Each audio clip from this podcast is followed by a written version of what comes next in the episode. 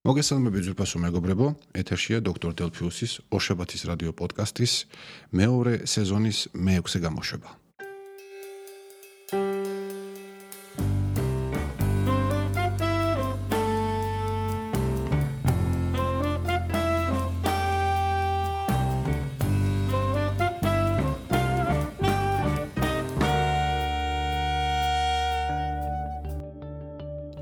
მაშასე დღეს არის 14 ოქტომბერი. აა მართალია დასვენების დღეა ზოგადად სახელმწიფოში, ჩვენს ქვეყანაში, მაგრამ ჩვენ განვაგრძობთ რა თქმა უნდა მუშაობას. აა განაგზობს მუშაობას ის კომპანია, სადაც მე მუშაობ, ვინაიდან ჩვენ ვართ საცალო გაყიდვების კომპანია და შესაბამისად ჩვენი მაღაზია ყოველთვის ღია და განვაგრძობ რა თქმა უნდა მეც მუშაობას როგორც სამსახურის ძირითად საკითხებზე, ასევე აა ოდნავ ირიბ საკითხებზე, რასაც ქვია ამ შემთხვევაში ამ პოდკასტის ჩაწერა და ზოგადად სხვა პოდკასტების ჩაწერაც. ვიმყოფები ოფისში, ნაძალადევის ნომერ მესამე სტუდიაში, თუ რატომ მესამე? პირობითად რასაც როდესაც მე და დევიმ დავიწყეთ სამი წლის წინ აა შეიძლება უფრო მეტი ხნის წინათაც პოდკასტების ჩაწერა. მ ჩვენ არ ქონდა რაიმე განსაკუთრებული ოფისი ვიყავით ჩვენ ჩვენ სახლებში, ბინებში და Skype-ის საშუალებით წერდით ხოლმე პოდკასტს. მე მე უგზავნიდი დევის ფაილს, ფაილს ჩემი ჩანაწერის მხარეს, ასე ვთქვათ, სადაც მხოლოდ ჩემი ხმა ფიქსირდებოდა და დევი აკეთებდა ეგრეთ წოდებულ სვეძენიეს, ანუ შეერთებას, არ ვიცი ქართულად აუდიო ტერმინოლოგია საერთოდ არსებობს თუ არა ვერს გეტყვით.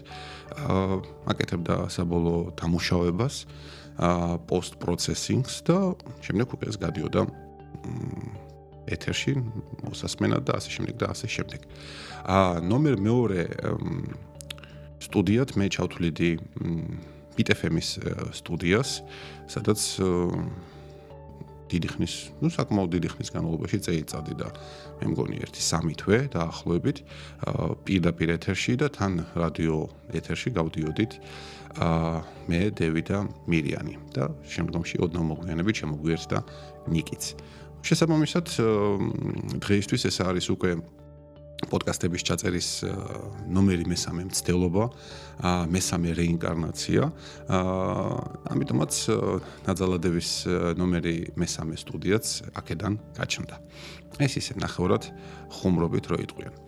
დღეს ორშაბათია, კიდევ ერთხელ გავემეორებ, ძიმე დღე, განსაკუთრებით მათთვის, ვინც დასვენების ნაცვლად ჩვეულებრივ მუშაობს. ეს არა მარტო ჩვენ ვართ, არამედ პოლიცია, სახანძრო, სასტრაფო, სხვა საცალო მაღაზიები, ჩვენი კოლეგები მე მათაც თქვათ, ულოცავ დღევანდელ დღეს, ასე ისევე როგორც ყველა სხვა დანარჩენ ადამიანს და მოდით შევუდგეთ იმ თემებზე საუბარს რაც გასული კვირის განმავლობაში შეიძლება ჩემთვის საინტერესო იყო და შესაძლოა თქვენთვისაც საინტერესო გახდეს. გასული კვირიდან როგორც იქნა მე დავიწყე ორშაბათიდანვე, აი როგორც კი ჩავწერე წინა გამოშვება და გავხსენი ერთი პატარა ფაილი. ფაილიც არა, უბრალოდ მაკის ნოუტების აპლიკაციაში გავაკეთე ახალი ჩანაწერი, რომელსაც დავარქვი ამ გადაცემის სახელი და დავიწყე მთელი კვირის განმავლობაში იმ თემების ჩანიშვნა, იმ ბმულების ჩანიშვნა, რომელიც აა ჩემთვის რაღაცა კუთხით, რაღაცა თვალსაზრისით საინტერესო გახდა. დაგროვდა საკმაოდ ბევრი. მე არ ვიცი რამდენად მოესწრება რომ თითოეულ მათგანზე ვისაუბრო, მაგრამ ყოველ შემთხვევაში შევეცდები რომ აა ყველაზე მნიშვნელოვანი საკითხები ჩემი აზრით აა გავაშუქო. აა პირველი საკითხი, რაზეც მე მინდა ვისაუბრო, და ეს არ არის ამ შემთხვევაში პირადი საკითხები, პირადზე ალბათ უფრო გადაცემის ბოლოსთვის ვისაუბრებ თუ დამჩებვა რა თქმა უნდა ამის დრო. პირველი საკითხი კვლავ და კვლავ უკავშირდება კომპანია Microsoft-ს რომელიც მიუხედავად ჩემი მხრიდან სიყვარულისა თუ არ სიყვარულისა, იმსახურებს საკმაოდ სერიოზულ ყურადღებას, ასე ვთქვათ, ხელწამოსაკრავი კომპანია ნამდვილად არ გახლავთ. აა შესაბამისად, ბოლო რამდენიმე წლის განმავლობაში მიღებული მარცხებისა, მიუხედავად ამ ყველაფრისა, ის კვლავ რჩება საკმაოდ მსხვილ, სერიოზულ და ანგარიშგასაწევ კომპანიად, შესაბამისად არ შეიძლება მათ მის სიახლეებზე ან იმ მოსაზრებებზე, რომლებიც ამ კომპანიას გააჩნია მთელი რიგ საკითხებთან დაკავშირებით, რომ არ ვისაუბროთ. კერძოდ, გასულ კვირას გამოვიდა ესეთი ინფორმაცია, რომ კომპანია Microsoft-ი ფიქრობს შექმნას უნივერსალური საოპერაციო სისტემა, ну Windows-ი, რა თქმა უნდა, აა რომელიც იმუშავებს ყველანაირ მოწყობილობაზე. იქნება ეს ჩოლებრივი დესკტოპ კომპიუტერები, იქნება ეს თქვა ტაბლეტები, იქნება ეს აა smartphone-ები. თუ არ ვწდები, რამდენიმე გადაცემის უკან აა ამ საკითხს მაშინ როდესაც გამოვიდა ინფორმაცია იმის შესახებ და მე ამაზე ვისაუბრე რომ აა სტივ ბალმერმა ჯერ კიდევ სანამ ის განაცხადებდა კომპანიიდან წასვლის შესახებ აა გამოთქვა მოსაზრება რომ შესაძლოა მათ კიდევ ერთხელ შეეცადონ ნულიდან დაიწყონ smartphone-ების ბაზარზე შესვლა და შესაბამისად გამოუშვან სრულიად ახალი საოპერაციო სისტემა Windows ფონებისათვის. ეს პირველად არ ხდება, რა თქმა უნდა. კარგად მოგეხსენებათ, რომ ჯერ კიდევ სანამ გაჩნდებოდა Android-ი, ჯერ კიდევ სანამ გაჩნდებოდა iPhone-ი, აა სოფლიო smartphone-ების ბაზრის უდიდესი ნაწილი ეკავა Windows აა Windows-ით აღჭურვილ აა smartphone-ებს. რა თქმა უნდა, იქ არ იყო დაყენებული ის დესკტოპური ვერსია, ეს შეუძლებელიც იქნებოდა მაშინდელი ARM პროცესორების სიმძლავრეს თუ გავითვალისწინებ და ასევე იმას, რომ სტანდარტული Windows-ი არ არის თავსებადი ARM-თან. აა იყო, ასე ვთქვათ, კომპაქტური ვერსია და ამით იმის თქმა მინდა რომ ეს ბაზარი გარკვეულწილად Microsoft-ის მიერ შექმნილია და საკმაოდ ბევრი წვლილი აქვს მას შეტანილი ამ ბაზრის განვითარებაში. თუმცა რეალურად iPhone-ის გამოშლის შემდეგ კარდინალურად შეიცვალა სიტუაცია და სწორედ Apple-მა შეძლო ხელახლა გამოეგონებინა smartphone-ი, ხელახლა გამოეგონებინა ის სამხარებლო ინტერფეისი, რომელიც შემდგომში უკვე გადაიღო Android-მა, შემდგომში გადაიღეს სხვა მწარმოებლებმა, თუმცა აქაც Microsoft-ი მოწოდების სიმაღლეზე აღმოჩნდა და გააკეთა აბსოლუტურად განსხვავებული სამხარებლო ინტერფეისი, რომელიც არანაირად არ გავს. არც iOS არც Android-ს, არც რაიმე სხვა რამეს აა ორიგინალურია ფრიად. კარგია თუ ცუდია ეს თემა არის ხანგრძლივი საუბრის მატარებელი, საკამათო და ასე შემდეგ. ამაზე ხა მე დღეს არ ვისაუბრებ უბრალოდ იმიტომ რომ მონოლოგში კამათი ცოტა არ იყოს და უაზრობა იქნება როგორც მინიმუმ ვიღაცა უნდა მყავდეს ოპონენტი ვისთანაც ამ თემაზე ვისაუბრებ. და ეს სხვა გადაცემების და სხვა სიუჟეტების თემა შეგვიძლია ჩავთვალოთ. ფაქტია რომ Windows ფონები მრავალი წლის განმავლობაში საკმაოდ ბაზრის საკმაოდ სხვილ ნაწილს ფლობდნენ შემდეგ ყველაფერი შეიცვალა. თუმცა ბოლო 2-3 წლის განმავლობაში, მას შემდეგ რაც Microsoft-მა შექმნა თავისი ეს ფილებიანი თაილებიანი ინტერფეისი, მათ დაიწყეს ექსპანსია ბაზარზე და ნუ გარკვეულ წარმატებას შეიძლება ასეც ითქვას მიაღწია იმ რამდენიმე პროცენტის ოდენობით, რომელიც ახლა მას გააჩნია. თუმცა შეგვიძლია გავიხსენოთ, რომ მეშვიდე ვერსიიდან მერვეზე გადასვლის დროს Microsoft-მა კარდინალურად შეცვალა თამაშის წესები და შესაბამისად Windows Phone 7-ის მატარებელი ტელეფონები, ასე ვთქვათ, თამაშგარე მდგომარეობაში დაჭდნენ გარკვეულ წილად. აა ამის შემდგომ ბალმერმა განაცხადა ზუსტად ის სიტყვები, რომელიც წეგან თქვი, რომ მან შესაძლოა Microsoft-მა კიდევ ერთხელ გააკეთოს ანალოგიური სიტუაცია. და მე ამაზე გავაკეთე მაშინ ჩემი კომენტარი, რომ Microsoft-მა უნდა იფიქროს ისევე როგორც ამას ფიქრობს და აკეთებს Ubuntu, ანუ კან კომპანია Canonical Linux-ის Linux-ის შემთხვევაში, ისევე როგორც ამას ფიქრობს კომპანია Apple, როდესაც ის აახლოებს თავის OS 10 დესკტოპურ სისტემას და iOS, ნელ-ნელა უფრო მშვიდად და უფრო წყნარად და უფრო მცირე ნაბიჯებით იმისთვის რომ მაქსიმალური მაქსიმალური ხარისხი მიიღოს. Microsoft-მაც უნდა იზრუნოს იმას იმისთვის, რომ Windows-ის Windows-ის ოპერაციო სისტემა იყოს გახდეს უნივერსალური და ის ერთიანად მუშაობდეს სხვადასხვა ტიპის მოწყობილობებზე. აქ მე მაშინ მოვიყვანე იმას მაგალითი იმასთან დაკავშირებით, რომ როდესაც Apple-მა კარდინალურად უცებ გააკეთა გადასვლა IBM-ის პროცესორებიდან, PowerPC პროცესორებიდან Intel-ის პროცესორებზე და რა თქმა უნდა არქიტექტურა ძალიან სერიოზულად შეიცვალა. აა მომხმარებლისთვის ეს ყველაფერი განხორციელდა საკმაოდ გამჭირვალედ და sakmaut უმტკივნეულოდ. მრავალი მრავალი წლის განმავლობაში აა Intel პროცესორიან Mac-ებზე აა OS-ი, OS 10 იძლეოდა საშუალებას გაგვეშვა ძველი აა პროგრამული უზრუნველყოფა, რომელიც ემულაციის რეჟიმში Rosetta საშუალებით მუშაობდა და პრინციპში პრობლემას არ წარმოადგენდა. და ამის გარდა მე შეიქმნა უკვე ანუ თვითონ პროგრამული უზრუნველყოფის დონეზე დეველოპერებმა დაიწყეს ორი ორმაგი კოდის ჩადება, ერთი Intel-ისთვის, მეორე PowerPC-ისთვის გახდა გაჩნდა ეგრეთ ეგრეთ წოდებული მცნება Universal Binary, რომელიც რომელშიც იყო ზუსტად ეს ჩადებული, თუმცა იყო სპეციალური პროგრამული უზრუნველყოფა, რომელიც მხოლოდ Intel only იყო, ან თქვათ PowerPC only იყო. აა მე ვერ გეტყვით რამდენად ადვილი იქნება Windows-ის კოდის გადალაგება ამ ყველაფერისთვის.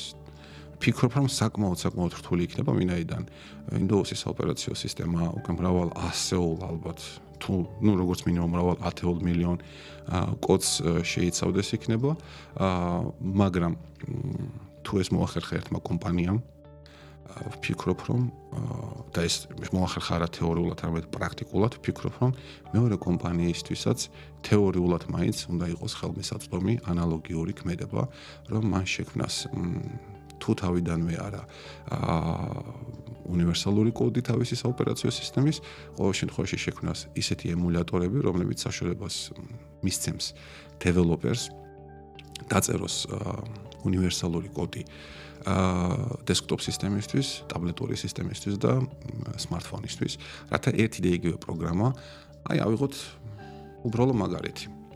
ვინაიდან მაინც Windows-ი არის სისტემა, რომელიც ჯერესტი რომ ძალიან გავრცელებულია და მეორეც რომ ის საკმაოდ ფართოდ გამოიყენება კორპორატულ სფეროში, ბიზნეს სფეროში, შესაბამისად მოდით ავიღოთ რაიმე ჰიპოთეტური პროგრამა, რომელიც რაიმე საბუღალტრო ან სასაწყობო სისტემის მართვისთვის არის განკუთვნილი რაღაც ნებისმიერი აბსოლუტურად. წარმოიდგინეთ ახლა კოდი, ანუ პროგრამული უზრუნველყოფა, რომელიც ერთი და იგივე მეთოდით ყენდება ჩოლებრივ სამაგიდე PC კომპიუტერზე და მესაწყობეს იქ თუ ბუღალტერს და ნებისმიერ თქვა ადამიანს შესაძლებლობა აქვს შეიყვანოს ამ პროგრამაში გარკვეული სახის ინფორმაცია, ფინანსური ინფორმაცია, სამეურნეო ინფორმაცია. აა მეორე ადამიანს იმავე კომპანიაში აქვს ტაბლეტი, იქნება ეს X86 ინტელიანი პროცესორი თუ ARM პროცესორი, თამას არ აქვს არსებითი მნიშვნელობა, სადაც აყენია Windows-ი, ასე ვთქვათ, მობილური Windows-ი, იქაც მას აქვს სუსტად იგივე პროგრამა, სუსტად იგივე კოდი, რომელიც გაშვებული აქვს და ეს პროგრამა მიერთებულია გარკვეული სახის ვთქვათ რაღაც მონაცემთა ბაზასთან, რომელიც ასევე კომპანიაში ინახება ან ღრუბელშია განთავსებული და სუსტად ასევე ახერხებს ინფორმაციის მიღებას, შეყვანას და მიღებას, ისევე როგორც ეს დესკტოპურ კომპიუტერზეა. და მესამე მესამე ადამიანი პირობითად დავარქვათ მას ხელმძღვანელი, რომელიც თავის Windows smartphone-ში აა შედის, როდესაც ის იმყოფება სადღაც გზაში, მოძრაობაში, ასე ვთქვათ, არ იმყოფება სტაციონარულ კომპიუტერთან ან არ აქვს თან ტაბლეტი და თავის smartphone-ში ახერხებს ნახოს გარკვეული სახის ანგარიშგებები, ან თუნდაც თვითონაც თეორიულად რატომაც არა შეიყვანოს გარკვეული სახის ინფორმაცია, ну გასაგებია რომ ხა smartphone-ი არ არის იმდენად მოხერხებული, როგორც ტაბლეტი ან მით უმეტეს დესკტოპური კომპიუტერი, რომ აა დიდი ოდენობის ინფორმაცია შეიყვანო. მოდი ჩავთვალოთ, რომ თქვა smartphone-ზე ჩართულია მხოლოდ იმის ფუნქცია, რომ ნახო ანგარიშგებები, რა საქონელი გაიყიდა, რა მივიღეთ, რა გაუშვით და ასე შემდეგ და ასე შემდეგ. და ეს ყველაფერი მუშაობდეს ერთი პროგრამული კოდის ქვეშ. ფიქრობ რომ ეს საინტერესო იდეა იქნება და უნდა გავამართლოს. თუ რა თქმა უნდა, განხორციელება იქნება ნორმალური. აა მესმის რომ ეს საკმაოდ რთული პროცესია, მაგრამ სწორედ აქეთკენ მიდიან სხვილი კომპანიები, Apple, აქეთკენ მიდის კომპანია Canonical-იც, რომელიც Linux-ის ერთ-ერთი ყველაზე პოპულარულ დისტრიბუტივს Ubuntu-ს ქმნის. აქეთკენ ცდილობს წავიდეს კომპანია Google-ი, როდესაც მას გააჩნია თავისი Android საოპერაციო სისტემა და ასევე გააჩნია Chrome OS-ი. მართალია ისინი ჯერჯერობით რამდენადაც ჩემთვის ცნობილი არ არიან არ არის თავსებოდი, მაგრამ ყოველ შემთხვევაში ის გადაადგილებები კომპანიაში, რომელიც მოხდა ბოლო რამდენიმე თვის განმავლობაში, მე გულისხმობ უმაღლესი ეშელონის მენეჯერების წასვლა და სხების დანიშნა. აა იმის მანიშნებელია ზუსტად რომ კომპანია სულ უფრო სერიოზულად ფიქრობს აა ამ ორი თავისი საოპერაციო სისტემის უფრო მჭიდრო ინტეგრაციას. ნახოთ რამდენად გამოუვა ეს Microsoft-ს, რამდენად გამოუვა ეს Google-ს, Apple-ს კანონიკალს და ასე შემდეგ. ნებისმიერ შემთხვევაში საბოლოო ჯამში მოგებულად მოგებული დარჩება მომხმარებელი. ну მე პირადად ვინაიდან მაინც Apple-ის ტექნიკა გაცილებით უფრო მეტად ამ სიამოვნებს და მომწონს, ვამჯობინებდი რომ Apple-მა შექმნას ერთ-ერთმა პირველმა ის უნივერსალური საოპერაციო სისტემა, რომელიც ჩემს iPhone-ში, iPad-ში და desktop-ზე აა მომცემ საშუალებას ერთიანი სივრცე მქონდეს სამუშაო, სამუშაო სივრცე. აა და მნიშვნელობა არ კონდეს თუ სად ვიმყოფები სახლში კომპიუტერთან, ქუჩაში ტაბლეტით თუ საერთოდ სადღაც სადაც არც ტაბლეტი მაქვს, არც კომპიუტერი და უბრალოდ ტელეფონი მაქვს. ერთიანი საოპერაციო სივრცე იქნებოდა ძალიან კარგი. კიდევ უფრო შორს თუ წავალთ, ამაზეც არაერთხელ მესაუბრია და კანონიკალის კანონიკალს ქონდა მცდელობა ეს გაეკეთებინა, თუმცა პირველი ვარიანტი არ გამოვიდა. მე მაქვს სურვილი მქონდეს მობილური ტელეფონი. ვამჯობინებდი რომ ეს იყოს, რა თქმა უნდა, iOS-იანი სისტემა, რომელიც როდესაც ჯიბეში მიდევს დავდივარ სადღაც ქალაქში არის ჩოლებრივი smartphone თავისი პროგრამული უზრუნველყოფით მივდივარ სახში, სადაც მაქვს მხოლოდ და მხოლოდ მონიტორი, კლავიატურა და მაუსი, რა თქმა უნდა კლავიატურა და მაუსი Bluetooth-ით, მონიტორი. მონიტორში კიდე არის ორი კაბელი, ერთი კვება, ტენის კვება და მეორე კაბელით მას მიუერთებდი iPhone-ს და iPhone-ი ეკრანზე გამოაქვს არა რა თქმა უნდა iOS ინტერფეისი, ჩემი აზრით ეს უაზრობა იქნებოდა, არამედ სულფასოვანი დესკტოპ სისტემა OS 10 პირობითად რომ დავარქვათ, ანუ ტელეფონში განთავსებული იქნებოდა ორი ვარიანტია, ან ორი საოპერაციო სისტემა, რაც გაცილებით უფრო ცუდია და ნაკლებ მოსახერხებელი, ან უფრო უკეთესი ერთი საოპერაციო სისტემა, რომელიც სიტუაციიდან გამომდინარე აა ახდენს ტრანსფორმაციას და ისეთნაირად ერგება მომხმარებელს, ანუ smartphone-ის და ტაბლეტის შემთხვევაში ის არის, რა თქმა უნდა, მობილური საოპერაციო სისტემა, გამომდინარე აქედან. ინტერფეისით, პროგრამების მუშაობის ლოგიკით და ასე შემდეგ, ხოლო თქვა, კარე მონიტორთან მიერთებისას და თუ თქვა საჭიროა გარკვეული ხილაკის გადართვის შემდეგ ის ხდება სრულფასოვანი ოპერაციო სისტემა, სადაც ყველაფერია ჩაწერილი. ჩემი პროგრამები, ჩემი მონაცემები, ან მონაცემები შეიძლება იყოს ხრუბელში ატვირთული. მოკლედ აქ ვარიაციების უსასრულო ვარიანტი შეგვიძლია ჩვენ წარმოვიდგინოთ და ჩემი აზრით ეს ეს საბოლოო ჯამში ყველა საოპერაციო სისტემა ამ სიტუაციამდე მივა, რასაც იქნება უნივერსალური ერთიანი სივრცე. ну და იქნება რამდენიმე ერთმანეთთან კონკურენციაში მყოფი ესეთი სივრცეები იქნება ეს Windows-ი, იქნება ეს Linux-ი, თუ იქნება ეს iOS-ი. ну Linux-ში თვლი ასევე Android სისტემასაც, Android-ის და თქვა Chrome OS-ის სისტემებსაც. საბოლოო ჯამში პრინციპში დღესდღეობით ეს სამი ოჯახი არსებობს: Windows-ი, Linux-ი, /Unix-ი სისტემები და iOS-ი. თუმცა iOS-იც iOS OS 10. თუმცა ესეც ორივე საბოლოო ჯამში Unix სისტემაა. მეცაც ვიტყვი Windows-საც პირველი ფესვები და საფუძვლები მაინც იქიდან ეზრდება POSIX სისტემებიდან, მაგრამ ნუ ეს ეს სხვა საუბრის თემაა და დღეს ამაზე არ ყირს ყურადღების მეტი გამახვილება. აა მეორე თემა, რომელზეც მინდა ვისაუბრო, ეს არის WordPress-ი და WordPress-ის ერთ-ერთი მოდული, რომელიც ახდენს დამარკაფებას. ეხლა რაშია სიტუაცია? გასულ კვირას გასულ კვირამდე 1-2 კვირით ადრე მე ჩემს პირად ბლოგებზე გავთიშე ერთ-ერთი ჩადგმა, ჩადგმა ქართულად, იგივე რაც ინგლისურად, პლაგინი, რომელიც აკეთებდა მონაცემების და მონაცემთა ბაზის სრულ მარკაპს და მის გარკვეულ ადგილას შენახვას. მარკაპი იგივე ბექაპია ინგლისურად, ვინც არ იცის. აა სიტუაცია ეს იმიტომ მოხდა უბრალოდ რომ ეს ჩადგმა რაღაც არც თუ ისე სტაბილურად მუშაობდა და ყოველ დილის 3 საათზე ახდენდა ამ საიტების დამარკაფებას, მაგრამ ხშირ შემთხვევაში ვიღებდი დილას წერილს, რომელშიც ეწერა რომ მოხდა შეცდომა, მოხდა არასრული დამარკაფება, ან საერთოდ ვერ მოხდა, ну შესაბამისად, რა თქმა უნდა, აზრი ეკარგებოდა მის გამოყენებას. რა თქმა ჩვენ მარკაფი, რომელიც ან არასრული, ან დაზიანებულია, ან ან საერთოდ ვერ გაკეთდა. შესაბამისად, უსაფრთხოების თვალსაზრისით ეს არისო კარგი სიტუაცია. გავთიშე და დავიწყე სხვა ანალოგების ძებნა რომელიც მოცემდა საშუალებას ეს ყველაფერი გამეკეთებინა კარგად.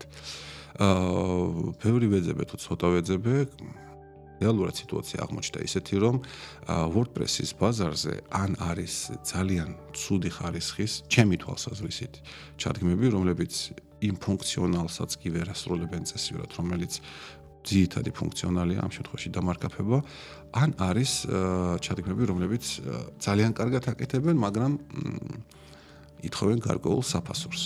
მე ცუც ვერაფერს ვერ ხედავ იმაში, რომ პროგრამულ უზრუნველყოფაში და და მათ შორის ჩანარჩიც გადავიხადო თანხა, მაგრამ ჩავთვალე რომ ამ ეტაპზე, თქვათ, ჩემი ბლოგების დამარკაფების აა ღირებულება აა არც არ წარმოადგენს იმ ხელას რომ ამაში მე თანხა გადავიხადო.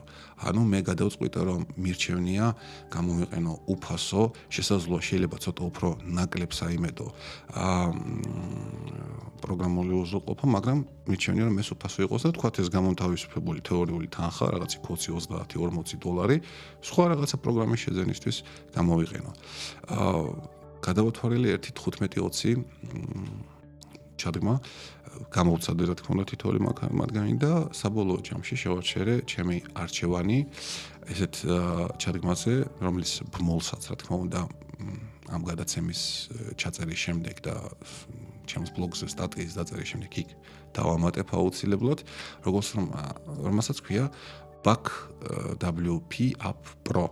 ანუ ესეთი სიტყვების თამაშია backup-ი და შეგნით WP ანუ WordPress-ი აა ჩადგმა არის აბსოლუტურად უფასო.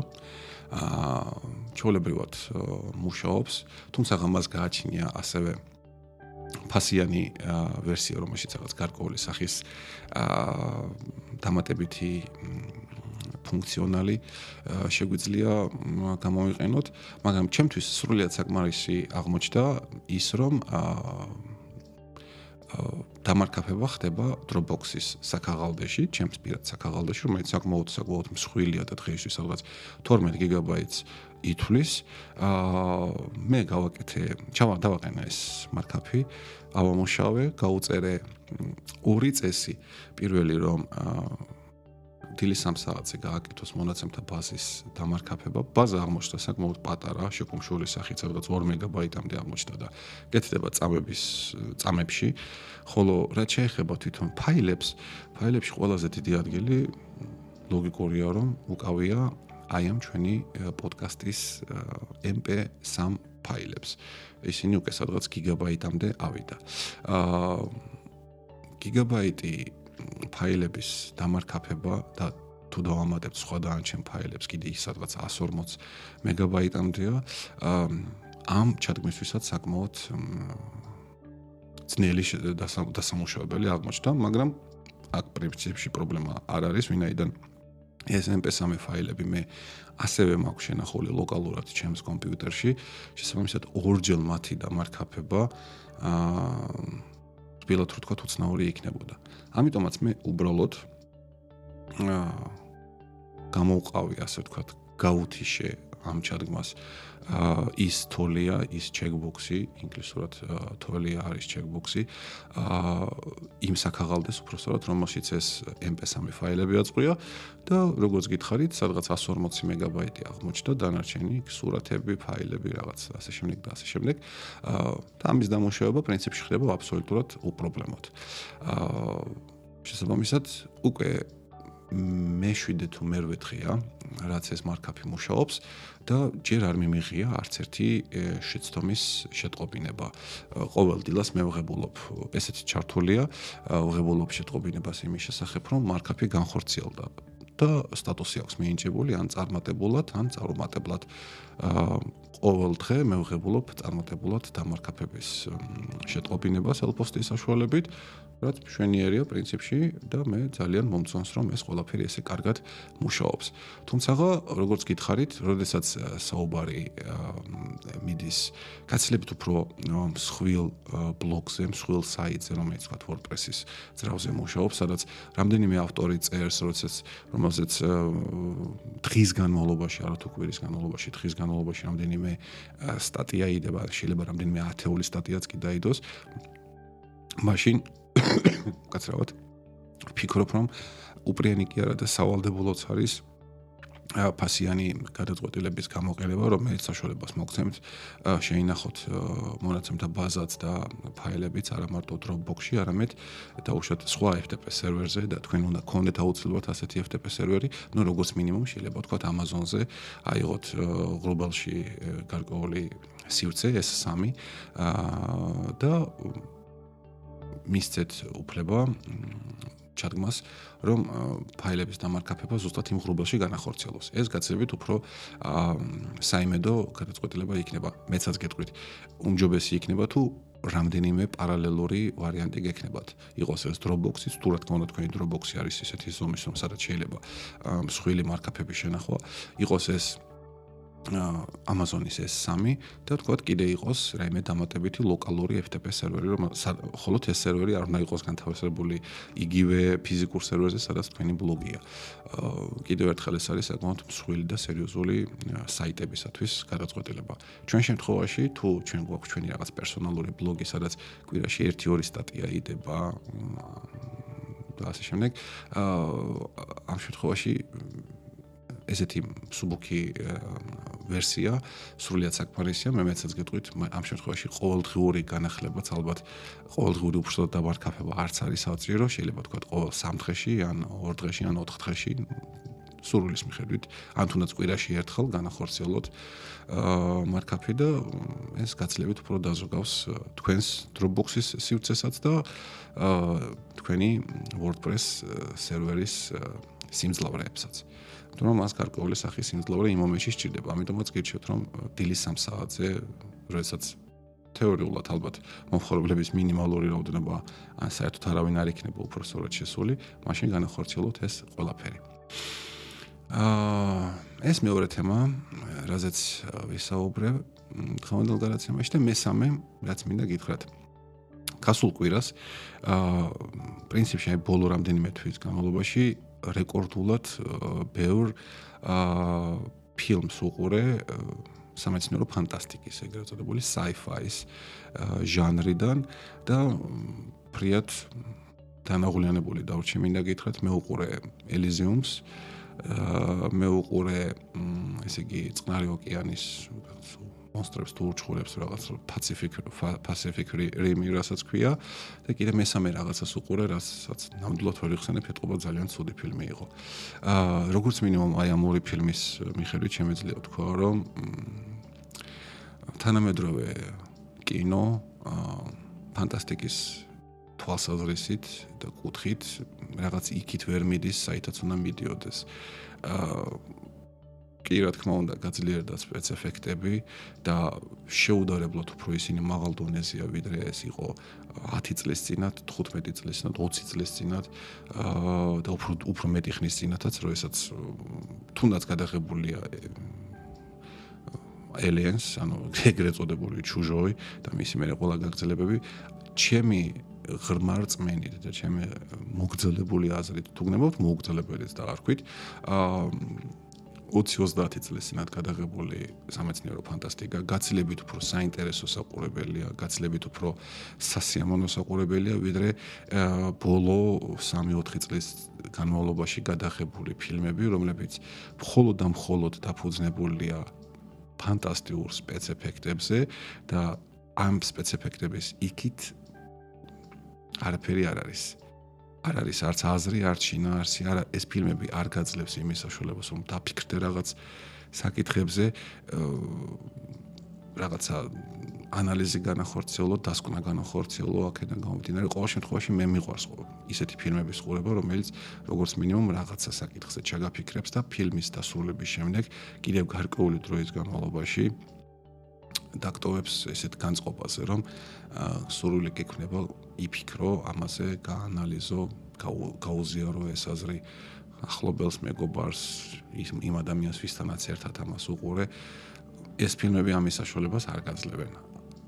ეს ფილმები გათვლილია, ეს არის ერჯერადი ფილმები, ეს არის ფილმები ბავშვებისათვის, რომლებიც უბრალოდ ქართობას სურთ, რომელსაც უნდათ რაც შეიძლება მეტი აა რაღაც აფეთქებები, ტექნიკური ეფექტები და მეტი არაფერი ამ ფილმებში სიღრმეში არაფერი არ დევს. თუ დღემდე არ გაქვთ ნანახი ელიზიუმი და პაციფიკ რიმი, ნამდვილად დაბეჭდებით გირჩევთ რომ არ უყუროთ და დრო არ დახარჯოთ ამ სისულელაზე. ისევ ჯობია რაიმე ძველი და თუ გიყვართ ფანტასტიკა, გირჩევთ ცოტა უფრო ძველი ფილმები ჩამოტვირთოთ და იმ ფილმების ყურებით გაერთოთ.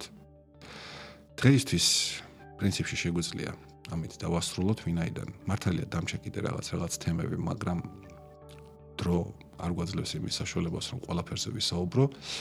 დღეს ორშაბათია 14 ოქტომბერი ორშაბათი მძიმე დღეა.